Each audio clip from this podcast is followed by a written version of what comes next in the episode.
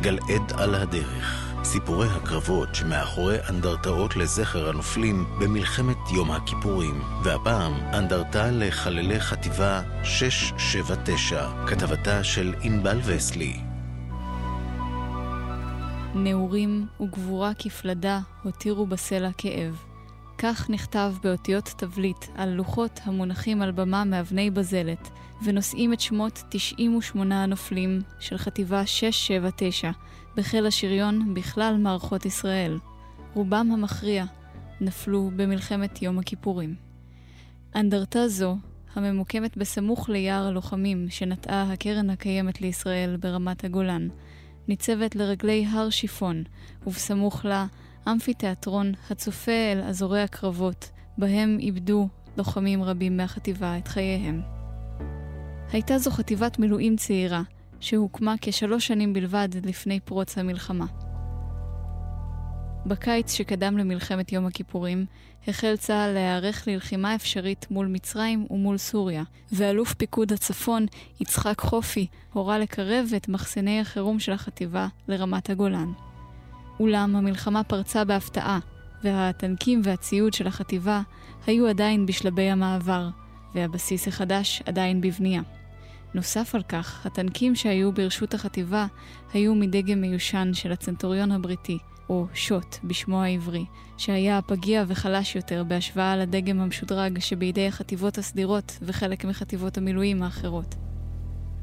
מנקודת הפתיחה המורכבת הזו, עלו הטנקים של חטיבה 679 לרמת הגולן, במוצאי יום כיפור, בלילה שבין 6 ל-7 באוקטובר. כוח ראשון של ארבעה טנקים בהובלת סגן מפקד פלוגה יצאו דרך גשר אריק וכביש יהודיה.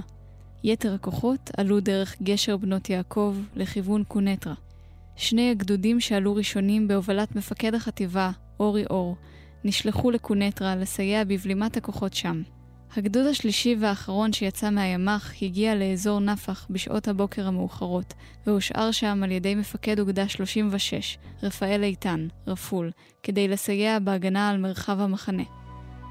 הגדוד התקדם, ומשזיהה כוח סורי מתקדם מולו מטווח קצר, פתח באש. תוך זמן קצר נפגעו טנקים סוריים רבים, אך הגדוד היה בנחיתות מספרית גדולה, והושמד כמעט לגמרי. המג"ד נפצע.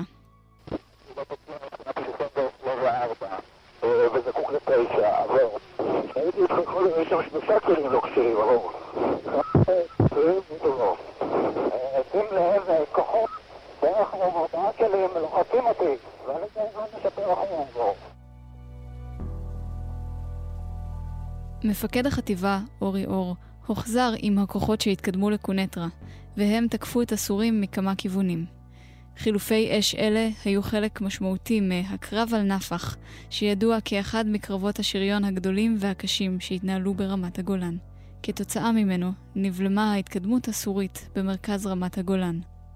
הרב חיים סבטו, שהיה מלוחמי החטיבה באותם קרבות, כתב על כך בספרו "תאום כוונות", וסיפר שם: העולם לא יהיה עוד בעיניי מה שהיה קודם. שנות דור חלפו, ואני עדיין שם.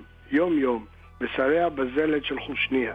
פיח המקלעים ממלא את פנינו, ריח הסרבל המשומן, קולות הערבוביה הזועקים מן הקשר, קסדת הטנקים הלוחצת, מכות הראש בתותח בכל קפיצה של הטנק על הסלע, הטנק הבוער לידינו, הצריח שאף ממנו, המתק הקופץ בוער כלפיד מגלגל עצמו על האדמה ושופך על עצמו ג'ריקן מים. לנוע כבר, איפה אתם? אני נלחם לבדי, בואו כבר. בשלב מסוים נסוג הכוח העיקרי של החטיבה, ותפס עמדות בין תל שיפון לתל יוסיפון. לכוחות צה"ל היה יתרון מרחבי, והפעם הם הפתיעו את האויב.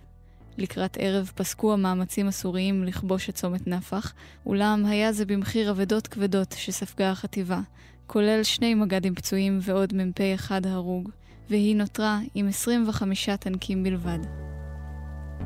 בלילה החלה ההיערכות לימי הלחימה הבאים. בהמשך השתתפה החטיבה גם בהבקעה לשטח סוריה, בכיבוש המובלעת ובהחזקת עמדות ברמת הגולן, עד להפסקת האש ב-24 באוקטובר. בתום הקרבות הצליחה החטיבה לעמוד במשימתה. היה לה תפקיד חשוב בהגנה על שטחי רמת הגולן והשארתם בשליטה ישראלית, אך במחיר כבד של 71 חללים ופצועים רבים. גלעד על הדרך, כתבתה של ענבל וסלי, ייעוץ המחלקה להיסטוריה בצה"ל. את תיאורי האנדרטאות לזכר הנופלים ואת מיקומן אפשר למצוא באתר יזכור של משרד הביטחון.